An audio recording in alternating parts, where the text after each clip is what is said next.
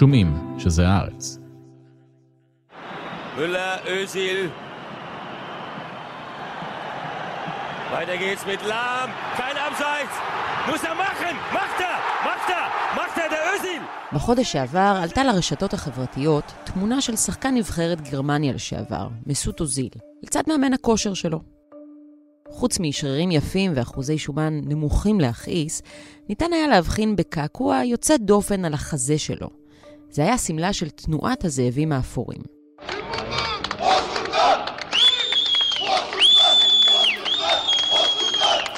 הזאבים האפורים היא תנועה לאומנית טורקית קיצונית. היא הזרוע הצבאית למחצה של המפלגה הלאומנית, שחבריה לחמו בעבר ובהווה בשדות קרב שונים בטורקיה ומחוצה לה. לתנועה יש אלפי חברים בגרמניה, והיא חלק מגל לאומנות שעובר על גרמנים ממוצא טורקי. במקביל, הימין הקיצוני בגרמניה צובר גם הוא תאוצה, ולצד קבוצות קטנות שמנסות לבצע הפיכה צבאית, יש מפלגה גדולה ומסוכנת שמאיימת על כל המערכת הפוליטית במדינה. היי, אני חן ליברמן, ואתם מאזינים ומאזינות לחוץ לארץ. בפרק הזה ננסה להבין מדוע גרמנים ממוצא טורקי שמצביעים לשמאל הליברלי בגרמניה, מצביעים לימין הלאומני והדתי בטורקיה. איך הפכה מפלגת אלטרנטיבה לגרמניה לכל כך פופולרית, ולמה החרם הפוליטי עליה משתק את המערכת ובעצם מביא לעליית כוחה. שלום לפרופסור עופר אשכנזי מהחוג להיסטוריה באוניברסיטה העברית ומנהל מרכז קדנר להיסטוריה גרמנית. שלום. אז הסיפור שלנו היום מתחיל באופן מפתיע מהחזה של שחקן נבחרת גרמניה לשעבר, מסות אוזיל. הוא גרמני ממוצא טורקי, שידוע בתמיכה הנלהבת שלו בארדואן, ולפני כמה שבועות הוא מעלה תמונה עם מאמן הכושר שלו, ועל החזה שלו, החזה החשוף שלו, יש קעקוע של זאב אפור. תוכל להסביר לי מה היה כל כך מסעיר, למה אותו זאב אפור מחולל סערה בגרמניה? טוב, אז זאב אפור הוא סמל של אה, אה, איזושהי קבוצה אה, לאומנית, קיצונית, אה, טורקית,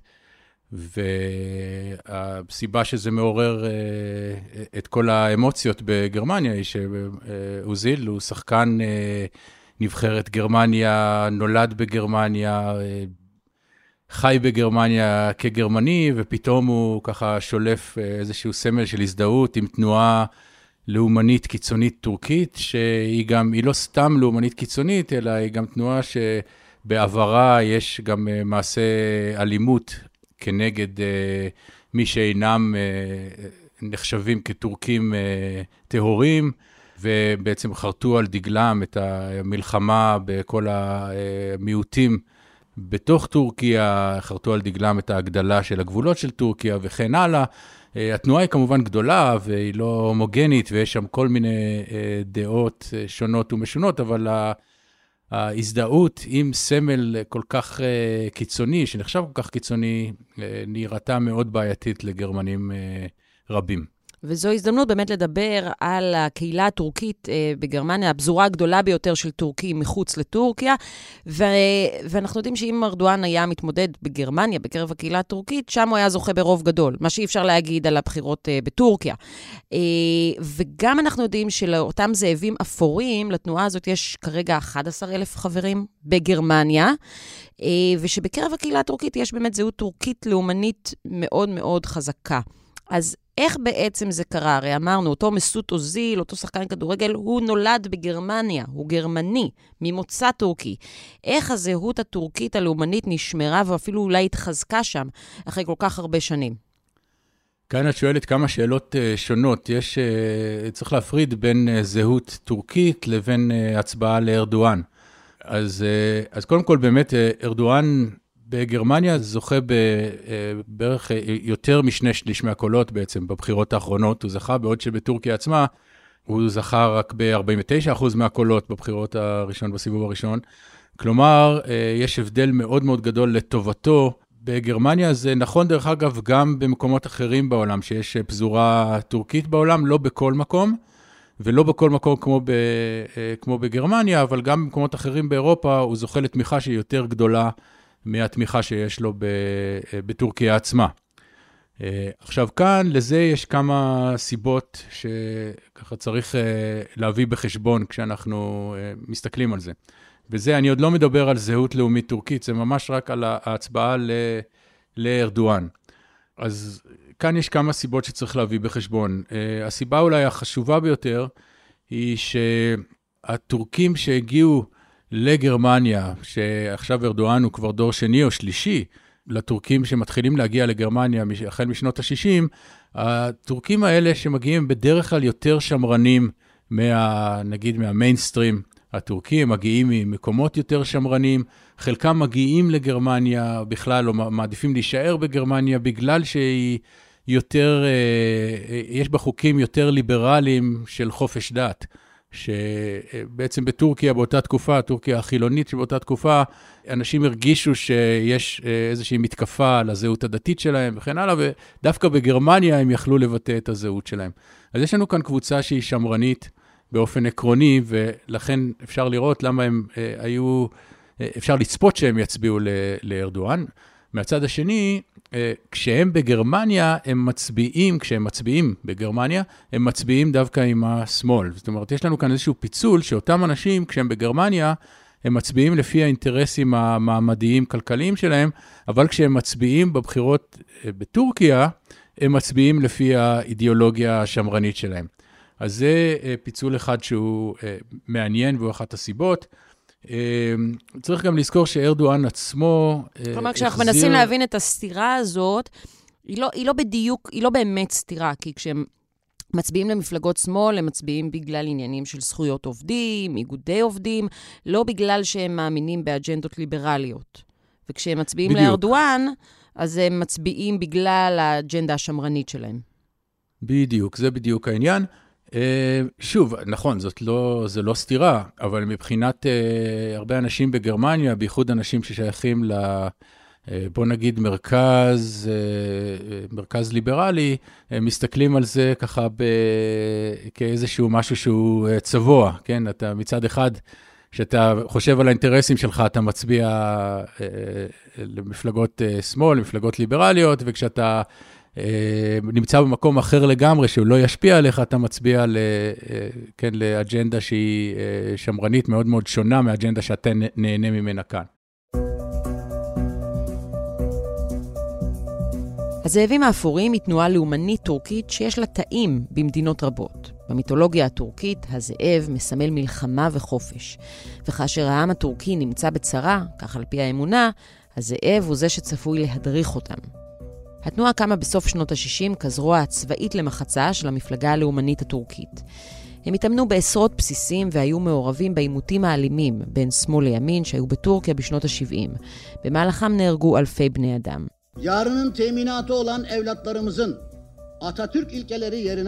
לאחר ההפיכה הצבאית של 1980, הארגון שמנה אז 200 אלף חברים הוצא מחוץ לחוק ורבים מחבריו נכלאו. במהלך השנים, דמויות המזוהות עם הארגון נקשרו בפשיעה מאורגנת, סחר בסמים, התנגשויות פוליטיות ואפילו ניסיון לרצוח את האפיפיור.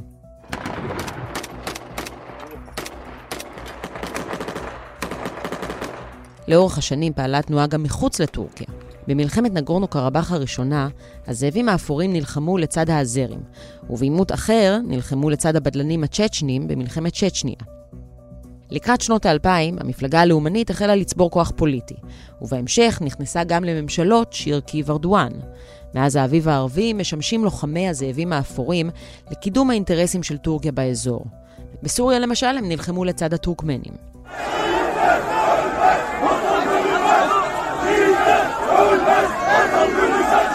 לפי הרשויות הגרמניות, במדינה יש כ-11 אלף זאבים אפורים. היא מוגדרת בגרמניה כתנועה קיצונית וגזענית, שרואה באויביה את הכורדים, הארמנים, היהודים והנוצרים. חברי התנועה בגרמניה היו מעורבים בשלל תקריות אלימות ותקיפות, בעיקר כנגד הכורדים.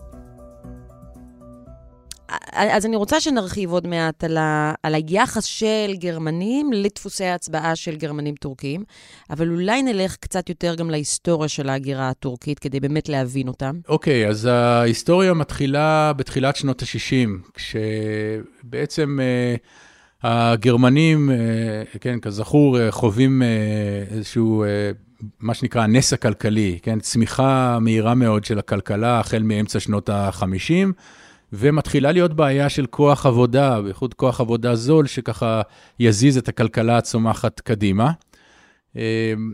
למה דווקא בשנות ה-60 אנחנו רואים את ההגירה? מכיוון שבייחוד אחרי אה, חומת ברלין, או ברגע שעושים את הגבול היותר קשה למעבר בין מזרח למערב, הבעיה הזאת של השגת עובדים אה, זרים, עובדים אה, נגיד זולים, הופכת להיות אקוטית. ואז הגרמנים חותמים על uh, הסכמים עם כל מיני מדינות, גם עם uh, איטליה למשל, כן, מדינות אחרות, אבל uh, גם עם טורקיה, ששם יש אוכלוסייה גדולה שהיא מאוד מאוד ענייה, יש אבטלה, אנשים מוכנים להגר, כמו שאמרתי, יש גם סיבות אידיאולוגיות דתיות שעושות את זה יותר פשוט. בהתחלה הם מהגרים לשנתיים, אחר כך בעצם המעסיקים הגרמנים מבקשים מתחננים לממשלה שייתנו להם להישאר יותר, הם נשארים יותר, אה, וככה יש לנו תקופות, יש לנו גלים, כן? כשהכלכלה ככה מדשדשת, אז יש פחות, ואז היא חוזרת ויש יותר. בשלב מסוים, החל משנות ה-70, אנחנו רואים גם אה, שיש אה, חוקים לאיחוד משפחות. זאת אומרת שלא רק שהפועלים יכולים להישאר, הם גם יכולים להביא את המשפחה שלהם. וגם הגרמנים נותנים יותר ויותר ויזות תעסוקה, או הגירה למעשה, לנשים, נשים צעירות, שצריכים אותן בכוח העבודה. ואז מה שנוצר, קורה זה שנוצרת קהילה אה, גדולה מאוד של טורקים. אני רק אגיד שהטורקים זה ככה במרכאות כפולות, כי יש שם, אה, יש שם כל מיני קבוצות אה, אתניות שהם לא כולם, נגיד הזאבים האפורים, לא, לא היו רואים את כולם כטורקים. אבל, אבל הם נקראים טורקים בגרמניה. ומתי באמת הם מקבלים מעמד של תושבים או מעמד של אזרחים? זו שאלה מאוד מורכבת, כי הרי גרמניה היא מורכבת ממדינות uh, פדרליות, ויש חוקים שונים, וחוקי uh, הצבעה שונים, וחוקי אזרחות שונים. באופן כללי אפשר להגיד שהדברים למעשה לא נפתרו לחלוטין עד היום. זאת אומרת, uh, עדיין לא, uh, הזכויות הן מוגבלות, עדיין לא כל מי שהגיע בתור מהגר הוא אזרח גרמני לגמרי, ובמובן היותר עמוק, גם התחושה של הטורקים שנמצאים בגרמניה, היא שגם אם יש להם אזרחות, הם לא מתייחסים אליהם כאזרחים אה, שווי זכויות, שתמיד שואלים אם הם נאמנים מספיק, אם הם טובים מספיק, אה, אם הם אה, התגרמנו, אם עשו, עברו תהליך של התגרמנות מספיקה, או שהם שומרים על, על איזשהו משהו אחר שהוא זר. זאת אומרת, התחושה היא שהדברים האלה לא לגמרי נפתרו. ושוב, כמו שאולי נדבר אחר כך על הקולות, בייחוד, בייחוד בימין הגרמני, שבכלל רואים בהם נטע זר, אפילו שיש להם אזרחות, והיו רוצים גם אה, לסלק אותם. אז יכול להיות שזה גם היחס הגרמני לטורקים אה, שדוחף אותם לזרועותיו של ארדואן? כן, אז אם אנחנו מדברים על זה, אז יש כאן uh, בהחלט, זאת אומרת, ללא ספק, יש מרכיב בעובדה, באיך שהם מצביעים, קשור באיך שהגרמנים מתייחסים אליהם. זאת אומרת, יש המון מרמור בקרב הטורקים בגרמניה היום על זה שכל הזמן, כן, בודקים לנו בציציות, ומה פתאום אתם מסתכלים על איך אנחנו מצביעים בטורקיה, כשיש לנו, יש פה כל כך הרבה איטלקים שהגיעו כמהגרי עבודה, ובאיטליה יש הרי ממשלה שהיא, כן, המפלגה שהיא מפלגה שמזדהה עם כל מיני אלמנטים של הפשיזם. כן. כן, ו- אבל עליהם אתם לא מדברים, אתם רק מדברים על הטורקים. אה, כי, כי אני חייבת להודות תחושה... שכשהתכוננתי לשיחה, אה, ראיתי המון המון אה, כתבות על דפוסי ההצבעה של הטורקים. באמת לא ראיתי כתבות על דפוסי ההצבעה של האיטלקים שחיים בגרמניה. כלומר, אף אחד בכלל לא, אני לא יודעת אם מישהו בודק אולי זה... לא מתעסקים בזה, אף אחד לא מדבר על הסתירה הזאת שמקודם הזכרנו, בין ההצבעה לארדואן לבין ההצבעה למפלגות שמאל. אני לא רואה דיון מקביל על דפוסי ההצבעה של איטלקים גרמנים. כן, זה, זה נכון, זאת אומרת, הטענות האלה נכונות, למרות ש... זאת אומרת, יש דיון, אם את מסתכלת על, ה, על העיתונות, בייחוד העיתונות, נגיד, שמאלית-ליברלית, העיתונים שמקבילים ל"הארץ", נגיד, בגרמניה, אז יש הרבה דיון בזה והרבה קולות אה, טורקים ש, שמביעים את הטענות האלה, אה, אבל זה כמובן אה, לא אומר שהטענות לא נכונות. אז, אז זה באמת דבר שצריך להביא בחשבון. בכל זאת מדובר כמובן גם בקהילה מאוד מאוד גדולה, כן? אנחנו מדברים על קהילה של, נגיד, אם אנחנו מעריכים בסביבות ה-4 מיליון, 4-5 מיליון של uh, טורקים בגרמניה, זאת קהילה שיש לה, uh, יש לה נוכחות, בייחוד במקומות ש, שהיו צריכים מהגרי עבודה, בערים גדולות וכן הלאה. Uh, אז רואים אותם ושעולים, וכמובן שגם uh, הימין הגרמני, uh, זה מבחינתו זה מאוד נוח, כן, לתקוע את החצים בהם, ולכן יש מין תחושה של התגוננות. Thousands of Turks gathered in Berlin to hear their country's Prime Minister Recep Tayyip Erdogan speak on Tuesday. אז אם אנחנו חוזרים ללמה מצביעים לארדואן, אז אחת הסיבות היא באמת התחושה הזאת של אתם בתור גרמנים כל הזמן דוחפים אותנו ואומרים לנו שאנחנו לא גרמנים אמיתיים, שאנחנו צריכים להוכיח נאמנות, שאנחנו רק על תנאי כאן. כן, הנה, ארדואן הוא לא כזה, הוא אומר לנו, אתם טורקים באמת, אתם יכולים להצביע בטורקיה, שזה דבר שהוא כן מיוחד, שאנשים בפזורה יכולים להצביע במדינה. אה, יש כל מיני חוקים שממשלות קודמות, למשל כל מיני חוקי ירושה שממשלות קודמות קבעו כנגד המהגרים, כדי להגיד, בעצם לגרום למהגרים לחזור, אה, ארדואן דווקא אה, נותן להם כל מיני זכויות, למהגרים לשמור על זכויות שלהם בטורקיה, וכמובן לשמור על, על האזרחות שלהם בטורקיה, וכל מיני דברים כאלה. אז בעצם יש כאן איזשהו משהו דווקאי בהצבעה, ואם נכנסים לזה, אז יש משהו, אה, אולי אלמנט אה, עוד יותר דווקאי, מין גלגל כזה, כן? מעגל, מעגל קסמים כזה, שכאשר רואים שהטורקים וגרמניה הם בעד ארדואן, הרבה פעמים זה פוגע בטורקים ב, שנמצאים בגרמניה, במערכת הפוליטית, בכל מיני עמדות כוח בחברה, בתרבות, אה, מכיוון שדווקא השמאל הליברלי, שמזהה אותם עם אה, ארדואן, אה, או שממש דוחף אותם החוצה, או שבא אליהם כל הזמן בטענות, כן, בתור מייצגים של הטורקים. ולכן, הרבה מאוד טורקים, בייחוד בדור הצעיר, שזה אוזיל, אבל גם, גם יותר צעירים ממנו, הם בעצם אומרים, אתם זורקים אותנו החוצה, אז אנחנו נראה לכם מה זה. אז אנחנו, כן, נצביע עוד יותר לארדואן. ואפילו לנציגים של מפלגות הרבה יותר קיצוניות.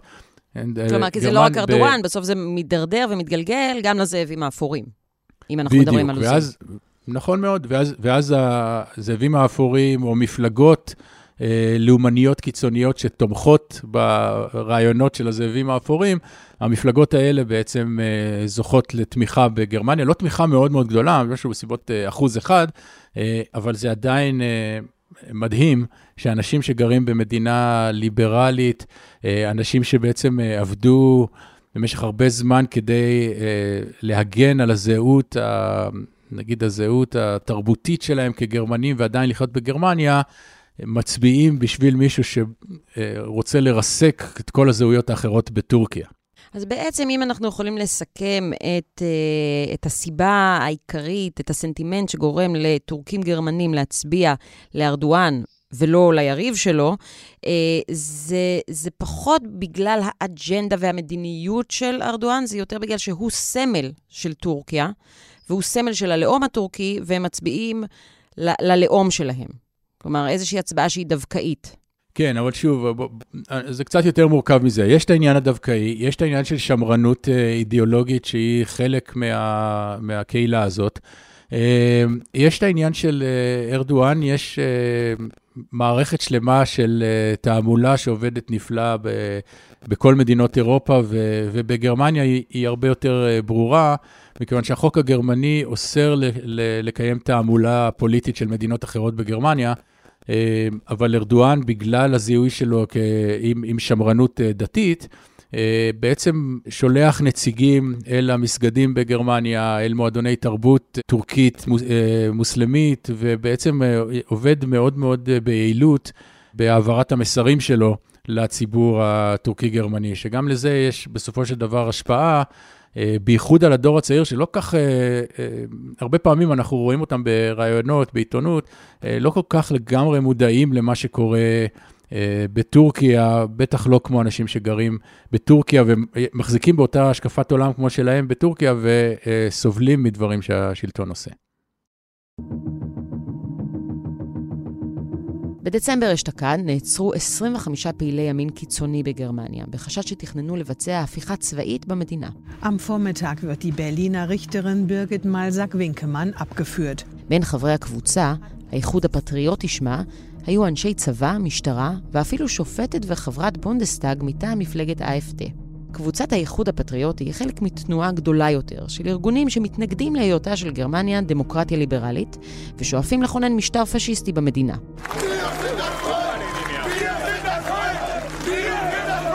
בשנה האחרונה שילשו את עצמן מספר הצהרות הימין הקיצוני בגרמניה, בהשוואה ל-2022. שירותי הביטחון התריעו לפני כמה חודשים גם על עלייה בכמות החברים של התנועות האלה. לפי הרשויות חלה עלייה במספר פעילי הימין הקיצוני מ-33,000 בשנת 2020 ל-39,000 בשנת 2023. כרבע מפעילי הימין הקיצוני במדינה מזוהים עם מפלגת ה-FD. מפלגת ה-FD, אלטרנטיבה לגרמניה, זוכה בסקרים ל-21 אחוזי תמיכה, שנייה רק לנוצרים הדמוקרטיים, ויותר משלוש המפלגות שמרכיבות את הקואליציה. ביוני האחרון זכתה ה-AFD בפעם הראשונה להצלחה בבחירות המקומיות, כאשר מתמודד מטעמה נבחר לראשות אחד המחוזות במדינת טורינגיה. Die AfD-Spitze in Feierlaune, der Bundesvorsitzende Kruppalla und der Thüringer Parteichef Höcke bejubeln den Wahl. אז אחרי שדיברנו באמת על היחס של גרמנים לטורקים הגרמנים ולמהגרים בכלל, בואו באמת נדבר גם על עליית והתחזקות הימין הקיצוני במדינה, כשבתוך הדבר הזה יש לנו גם ארגונים קטנים, קיצוניים, שמתכננים הפיכה צבאית, וגם, וזה כבר כוח גדול, ה-AFD. כן, אז צריך, צריך להבדיל פה, זאת אומרת, יש, כן, יש ארגונים uh, קטנים, חלקם עם כל מיני קשרים. אה, בצבא וכל מיני קשרים בכל מיני זרועות אה, אחרות של השלטון, אבל הם עדיין מאוד מאוד אה, שוליים, כן? שהפוטש שראינו לאחרונה, בסופו של דבר הוא... הוא, מטריד כמובן, כן, הניסיון לקחת את השלטון בעזרת uh, כל מיני גורמים uh, צבאיים וכן הלאה, הוא, הוא מאוד מטריד, אבל הוא באמת עדיין שולי. זאת אומרת, הוא כשלעצמו לא הבעיה. זה השוליים אה, הסהרוריים, אני מניחה. זה שוליים סהרוריים שמבקשים להם כוח פוליטי, והבעיה היא באמת ההצלחה שלהם להיכנס אל תוך המערכת הפוליטית וככה לערער אותה בצורה רצינית, וזה מה שאנחנו רואים בשנים האחרונות. אה, שוב, זה, זה קשה להגיד מה יהיה האפקט של הדברים האלה, כן? אם אנחנו מדברים על ה-AFD, צריך לזכור שזאת מפלגה שקמה בסערה אה, ב-2013, היו לה הצלחות מאוד מאוד גדולות ב-2017-2018, אה, אבל ב-2021 אה, צללה למטה והיה נראה כאילו זה הסוף שלה, ופתאום עכשיו שוב חוזרת בגדול והופכת להיות המפלגה השנייה בגודלה בגרמניה. זאת אומרת, קשה קצת להגיד שבבירור זה הולך. לכיוון מסוים, לפחות מבחינה, מבחינת ההשפעה הפוליטית. אה, בוא, בוא נסביר רגע למאזינים באמת מה זה ה-AFD. טוב, אז ה-AFD זו תנועה שנקראת אה, אלטרנטיבה לגרמניה. אלטרנטיבה, תכף אולי נגיד, נדבר על האידיאולוגיה שלהם, אז נגיד אלטרנטיבה למה. אה, אבל באופן עקרוני הם הוקמו על רקע המשבר הכלכלי הגדול של 2008-2010, ומתוך זעם גדול על כך שגרמניה כביכול אה, עוזרת למדינות אחרות באיחוד האירופאי על חשבון הגרמנים עצמם, כן? הכוונה פה בעיקר ליוון, כן? עכשיו, אה, הטענות האלה הן מאוד בעייתיות כשלעצמן, כי אה, העזרה הגרמנית ליוון הייתה מאוד מאוד מוגבלת, ובעצמה גרמה בעיות ביוון, בגלל שהגרמנים לא היו מוכנים באמת לתרום מהכסף שלהם. זאת הייתה אה, עזרה גם ליוון וגם במקומות אחרים ב-EU, שעזרה בעצם למצב את גרמניה כמנהיגה של, של האיחוד האירופאי, גם מבחינה כלכלית, לא רק מבחינת אה, הסמל של העניין. אה, אבל נעזוב את זה רגע בצד, מבחינתם, הם פנו לקהל שהרגיש את המשבר הכלכלי האירופאי, ובעצם אמרו לו, זאת הסיבה. הסיבה היא שאנחנו לא דואגים לעצמנו, הסיבה היא שאנחנו דואגים לאיחוד האירופאי, אה, הסיבה היא שאנחנו דואגים לכל מיני עצלנים שם ב- ביוון, אה, ואנחנו צריכים לשים לזה סוף, כן? זאת הייתה אה, במקור האלטרנטיבה. ב-2015 הם עלו על עגלה אחרת שנראתה אפילו יותר מושכת לאור המשבר של הפליטים. כן, המלחמה, המלחמה בסוריה ומלחמות אחרות באפריקה מביאות לגל של פליטים לאירופה, ומרקל, אה, אה, הנשיאה, אה, כן, הקנצלרית, סליחה, מרקל, בעצם לא יודע אם פותחת את שערי גרמניה, אבל בעצם מאפשרת לאותם פליטים להישאר בגרמניה, למיליון וחצי פליטים להישאר בגרמניה, וזה היה כר פורה מאוד מבחינת ה, כן, הימין הגזעני, שונא הזרים, בעצם להגיד, הנה, זה, זה בעצם הסיבה לבעיות שלנו, אנחנו פשוט נותנים ליותר מדי זרים להיכנס לכאן. אז זה היה הגלים הגדולים. ו- ומה, ומה הגל, מסביר את הגל הנוכחי? או, אז בשביל להסביר את הגל הנוכחי צריך להבין למה בעצם הייתה להם ירידה ב-2021. הירידה הגדולה שראינו ככה סביב 1920-2021 אה, קשורה גם בקורונה, כי המפלגה הזאת היא, היא מפלגה שהיא היא מין אוהל גדול להרבה מאוד תנועות uh, שונות. ומה שקרה זה שבקורונה הם בעצם בלבלו את המצביעים שלהם ובלבלו את עצמם, שהם תמכו בשתי אג'נדות שונות. אחת הייתה בעד uh, סגירת הגבולות ו- וכל מיני הגבלות uh, על אנשים בזמן הקורונה, והשנייה הייתה התנגדות מוחלטת לחיסונים, התנגדות מוחלטת ל- לכל מיני הגבלות על התקהלות וכן הלאה וכן הלאה. זה, זה היה דבר אחד שהיה בעייתי. הפופוליזם הדבר... קרס לתוך עצמו. כך זה נראה, כן? תכף, תכף נסביר למה הוא לא קרס לתוך עצמו, אבל, אבל זה היה נראה ככה. זאת אומרת, דבר אחד זה בלאגן uh, אטומי, כמו בהרבה מהמפלגות הפופוליסטיות בעצם, כן? שבכל העולם, שהמסרים שלהם מאוד מאוד מבולגנים. Uh, זה דבר אחד. דבר שני, הוא שהנושאים שמאוד מאוד הטרידו אותם בזמנו, uh, נגיד ההגירה, נגיד המשבר הכלכלי האירופאי של האיחוד, אה, בעצם כבר לא נמצאים על סדר היום הפוליטי. זאת אומרת, אין היום בעיית מהגרים גדולה בגרמניה, ואפשר לראות שזה לא, אנשים לא מתווכחים על זה בתוכניות האקטואליה. המשבר הכלכלי הוא בטח לא כמו שהיה, ומאז כבר היו, היו, היו עליות והיו ירידות וכן הלאה, זאת אומרת, זה כבר לא כך ברור. הדרישה לצאת מהאיחוד האירופאי לאחר מה שקרה ב- באנגליה נראית uh, קצת uh, בעייתית להרבה מאוד uh, גרמנים, ולכן זה היה נראה כאילו אנחנו uh, למעשה עברנו את הגל. My personal opinion is that the AFD is a last resort because none of the old parties are of any use to me. אז עכשיו צריך לדבר על למה הם מצליחים עכשיו ולמה זה מסוכן. היתרון הגדול של המפלגה זה שהיא בונה את עצמה כאלטרנטיבה פופוליסטית לפוליטיקה הגרמנית. עכשיו, בהתחלה באמת זה היה אלטרנטיבה פופוליסטית, אה, בעצם מה שהם אמרו זה, בעצם כל המפלגות הגדולות בגרמניה רוצות להיות חלק מהאיחוד. אנחנו נהיה נגד זה. כן, כל המפלגות רוצות לעשות מדיניות אה, סביבתית, כן, אפילו הימין הגרמני הוא בעד מדיניות אה, סביבתית אחראית, אנחנו נגד זה. כן, כולם חושבים שיש לנו איזושהי אחריות כלפי המהגרים, כלפי פליטים, אנחנו נגד. ו... אז זאת הייתה האלטרנטיבה. והמסרים האלה פעם הצליחו, פעם לא הצליחו. אלטרנטיבה שקורה... לכל משהו קונצנזוס. בדיוק, אלטרנטיבה לקונצנזוס. מה שקורה בשנים האחרונות בגרמניה, היא שפתאום הם נראים אלטרנטיבה לממשלה שלא מתפקדת. כי בגלל שהם צברו כוח מצד ימין, ובגלל שהם אה, מזוהים עם אג'נדות רדיקליות שהן באמת חלק אה, אה, ש, שהוא ממש טאבו בפוליטיקה של המיינסטרים הגרמני, לא, לא בציבור הגרמני, אבל בפוליטיקה של המיינסטרים הגרמני הם נחשבים טאבו, בעצם המפלגה השמרנית-ימנית, ה-CDU, לא מוכנה להיכנס איתם לקואליציה, כן? זה כמו שנגיד אצלנו, הליכוד היה אומר, אנחנו עם אה, בן גביר בשום אופן לא מוכנים, כן? הבן אדם הוא כהניסט, זה נוגד את כל האידיאולוגיה שלנו, אנחנו לא יכולים אה, ללכת עם מישהו שהוא אנטי-דמוקרטי. זה מה שעושים בגרמניה.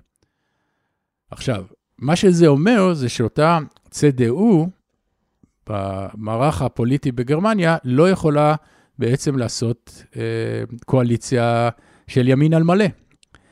אותו דבר קורה גם משמאל, כשגם שם יש מפלגות, כן, מפלגה כמו הדילינקה, מפלגת השמאל, שהיא מפלגה עם אלמנטים מרקסיסטיים, קומוניסטים, ששוב, בגרמניה זה נחשב טאבו, נגיד בקרב השמאל ובקרב הסוציאל דמוקרטים, ולכן הסוציאל דמוקרטים לא הולכים איתם. מה שנשארנו זה בעצם עם משהו כמו 70-80 אחוז מהקולות שהם, כן, מרכז, ימין מרכז, שמאל מרכז.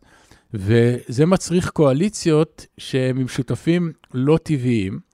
אנחנו ראינו את זה בממשלה הקודמת שהייתה בהנהלת הימין מרכז, אנחנו רואים את זה בממשלה הזאת שהיא בהנהלת השמאל מרכז. אה, שאלה ממשלות, במיוחד הממשלה הנוכחית, ממשלות שממש לא מצליחות לתפקד. איך זה בא לידי ביטוי, השיתוק הזה, של בעצם ממשלות אחדות? ממשלות אחדות, אבל ממשלות אחדות שכל הזמן פוזלות לקראת הבחירות הבאות. קחי למשל את הממשלה הנוכחית, כן? היא מורכבת מה-SPD, שהיא מפלגה סוציאל-דמוקרטית, כן, עם ערכים שאנחנו היום קוראים להם, אה, נגיד, ליברליים, אה, סוציאל-ליברליים, חברתי-ליברליים. שהם הולכים ביחד עם אה, מפלגה שנקראת ה-FDP, שהיא מפלגה אה, ככה, מפלגת מין שוק חופשי, כמעט ליברטריאנית, אה, כן, שהיא ממש מימין, אולי אפילו במקרים מסוימים מאגפת מימין את, ה, את המפלגה השמרנית, ה-CDU, אה, וביחד עם הירוקים, שיש להם אג'נדה אה, סביבתית, אה, בשנים מסוימות סביבתית שמאלנית, ועכשיו, כל אחת מהן מושכת לכיוון שלה, וכל אחת מהן במשרדים שלהם, הם פשוט עושים מדיניות שמכוונת לבייס שלהם. ומדיניות שמכוונת לבייס, אה, הרבה פעמים בהגדרה, היא מדיניות שאין לה, שאין לה הרבה תמיכה בציבור. אז מה שאנחנו רואים זה הרבה מאוד אה, כן, הכרזה על כל מיני תוכניות שאין להן תמיכה בציבור, תוכניות שבסופו של דבר הן יקרות, נופלות בגלל המחירים שלהן, אז גם נראה שאפילו את זה הם לא עושים. הם כל הזמן מתקוטטים ביניהם בתוך הקואליציה. תוסיפי לזה משבר מנהיגות, שגם במפלגה של ה-SPD, של הסוציאל דמוקרטים, גם במפלגה השמרנית CDU, אין מנהיגים מהסוג של אה, מרקל, ש... אה, כן, ש, שהם פשוט יכלו להגיד מה יקרה וכך יקרה. כן. Uh, הדבר הזה כבר לא קורה יותר, ומה שקורה זה שיש לנו ממשלות שלא מתפקדות, וגם אנחנו לא רואים, זאת אומרת, קשה לדמיין שבבחירות הבאות הממשלה תיראה אחרת. כן, זה, אנחנו לא רואים איזשהו סיכוי לקואליציה מתפקדת ב, עם האנשים שיש לנו עכשיו ובמפלגות שיש לנו עכשיו. אז בעצם ה-AFD באים ואומרים, את, אתם כאן במצב של איזשהו דדלוק של שיתוק, ורק ברגע שתבחרו צד ברור ונחרץ, אנחנו, אז גרמניה תוכל להתקדם ונוכל להעביר החלטות. כן, הטענה שלהם היא יותר מזה, אתם... בדיוק, הטענה שלהם היא, אתם אפילו, אתם לא מסוגלים לעשות שום דבר, כן? אבל כמו שאמרת מקודם, עדיין, AFD זה עדיין מפלגה שעד לא מזמן נחשבה, ל... המסרים שלה נחשבו לטאבו, אולי לא בציבור הגרמני, אבל בפוליטיקה הגרמנית. ובסוף, בשביל שהיא תוכל לפרוץ את הטאבו הזה בפוליטיקה הגרמנית, היא צריכה לקבל יותר תמיכה בציבור הגרמני. מהם התהליכים שקורים בגרמניה, את חלקם כבר הזכרת, שמאפשרים יותר ויותר תמיכה למפלגה כזאת? הבעיה מבחינת uh, המפלגה הזאת, כן, אם את, אלא אם כן את תומכת במפלגה הזאת, אבל מבחינת כל האחרים, הבעיה עם המפלגה שהיא מצליחה לספוח אליה uh, כל מיני קבוצות שונות עם אידיאולוגיות שונות.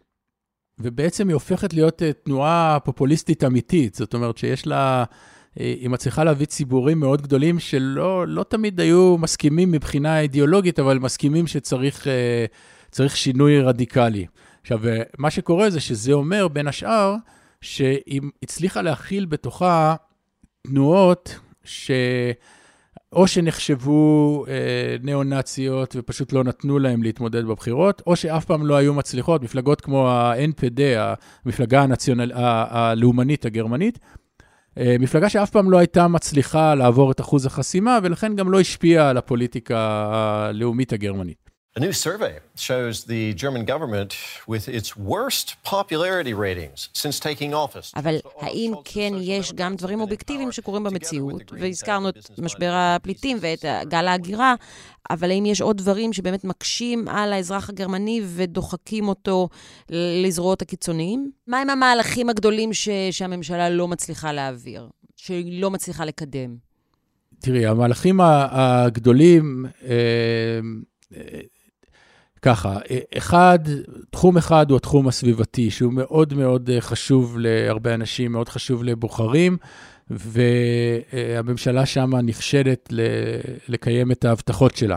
תחום השני הוא תחום כלכלי, שבו הכלכלה הגרמנית היום, היא אמנם לא במשבר של 2008, אבל היא מדשדשת הרחק מאחורי הכלכלות החזקות בעולם המערבי. זאת אומרת, אם את לוקחת את ה-G7 למשל, גרמניה האחרונה שם בצמיחה הכלכלית שלה. זאת אומרת, יש תחושה של איזושהי האטה כלכלית.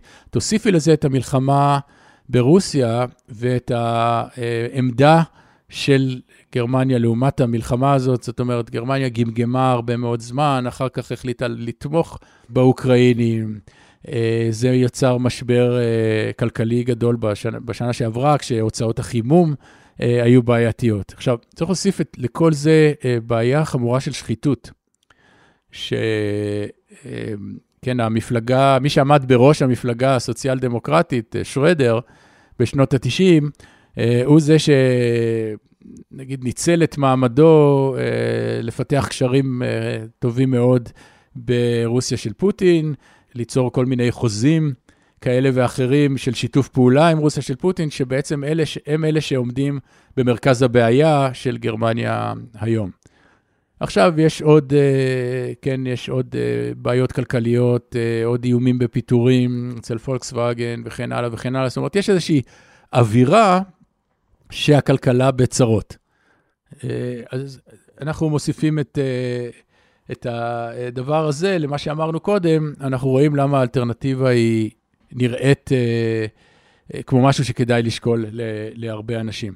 עכשיו, צריך לזכור עוד משהו שהוא חלק מהבעיה. כל עוד, יש, כל עוד הממשלות הגרמניות לא מוכנות לקחת בחשבון את האלטרנטיבה לגרמניה כ, כלגיטימית, אה, אנחנו נמשיך לראות כאלה קואליציות. אבל אם הם יסכימו לקחת אותה לקואליציה, כלומר, אם הצד"ו בסופו של דבר תישבר ותיקח את ה-AFD לתוך הקואליציה, בעצם היא תיתן לה לגיטימיות, לגיטימיות לדעות ש, שמביעים המנהיגים שלה, ובעצם שנאת זרים, אנטישמיות, הניסיונות לצאת מהאיחוד האירופאי, יהיו חלק מהשיח הפוליטי הגרמני של המיינסטרים, וזה משהו שהרבה מאוד אנשים בגרמניה חוששים ממנו, כמובן לאור מה שקרה בעבר הגרמני. וגם אנחנו יודעים שבגרמניה יש הגנות חוקיות מאוד מאוד חזקות, שיחסית הצליחו עד כה לרסן את הימין הקיצוני ואת הפופוליזם. יכול להיות שזה גם מה שעוד יותר חיזק בסופו של דבר את הפופוליזם.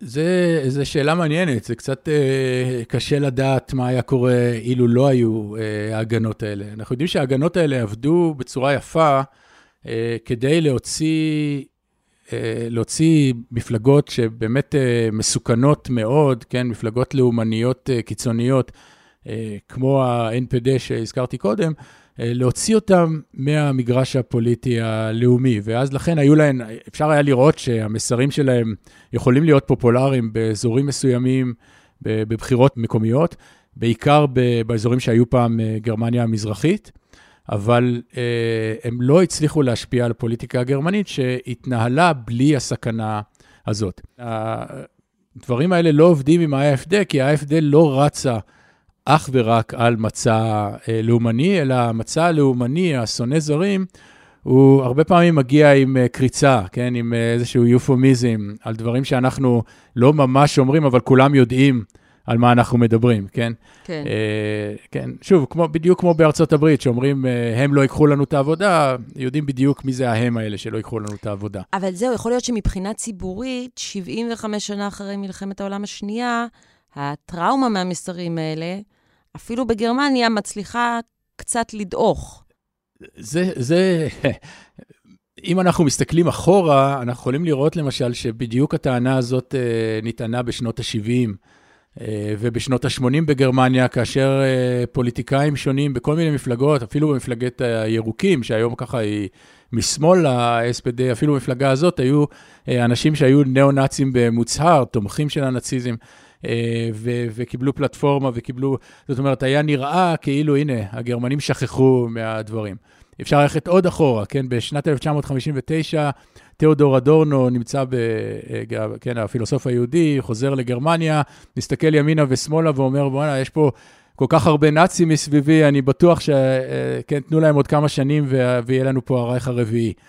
אז התחושה הזאת קיימת כל הזמן, והגרמנים מצליחים במשך עשרות שנים בצורה עקבית להיפטר מהדברים האלה. והשאלה שבאמת מסקרנת עכשיו, זה בהנחה שה-AFD יש להם כוח אלקטורלי שהוא בין 10 ל-20 אחוז מהקולות, מה יקרה למפלגה הזאת? האם המפלגה הזאת תנער מעצמה את אותם גורמים שהם uh, באמת בעייתיים מבחינת הדמוקרטיה הגרמנית, מבחינת העבר הגרמני, או שהיא תמשיך uh, לקרוץ להם ולחייך אליהם, ואז, אה, כן, אה, האם זה ייכנס למיינסטרים, או האם הגרמנים יצליחו להשאיר את זה כטאבו? תודה רבה לך, פרופ' עופר אשכנזי.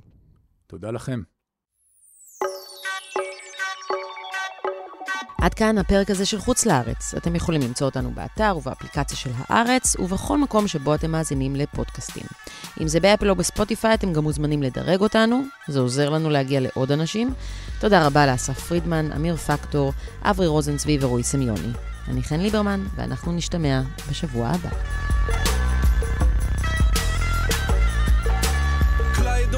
Gegen Gott, wir tragen Feigenblatt. Schwingen an Lianen übern Heinrichplatz.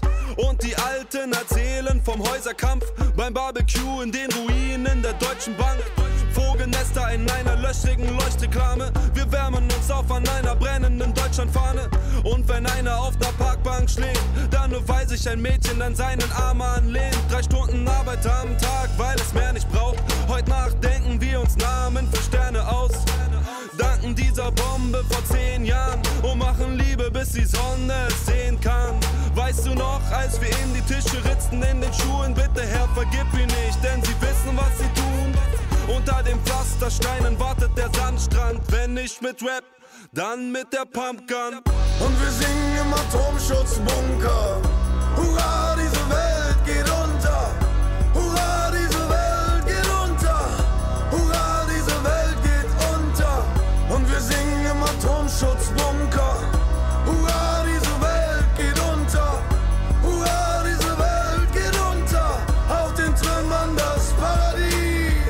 Pfeil und Bogen, wir erlegen einen Leckerbissen. Es gibt kein Knast mehr, wir grillen auf den Gefängnisgittern. Verbrannte McDonalds zeugen von unseren Heldentaten. Seit wir Nestle von den Feldern jagten.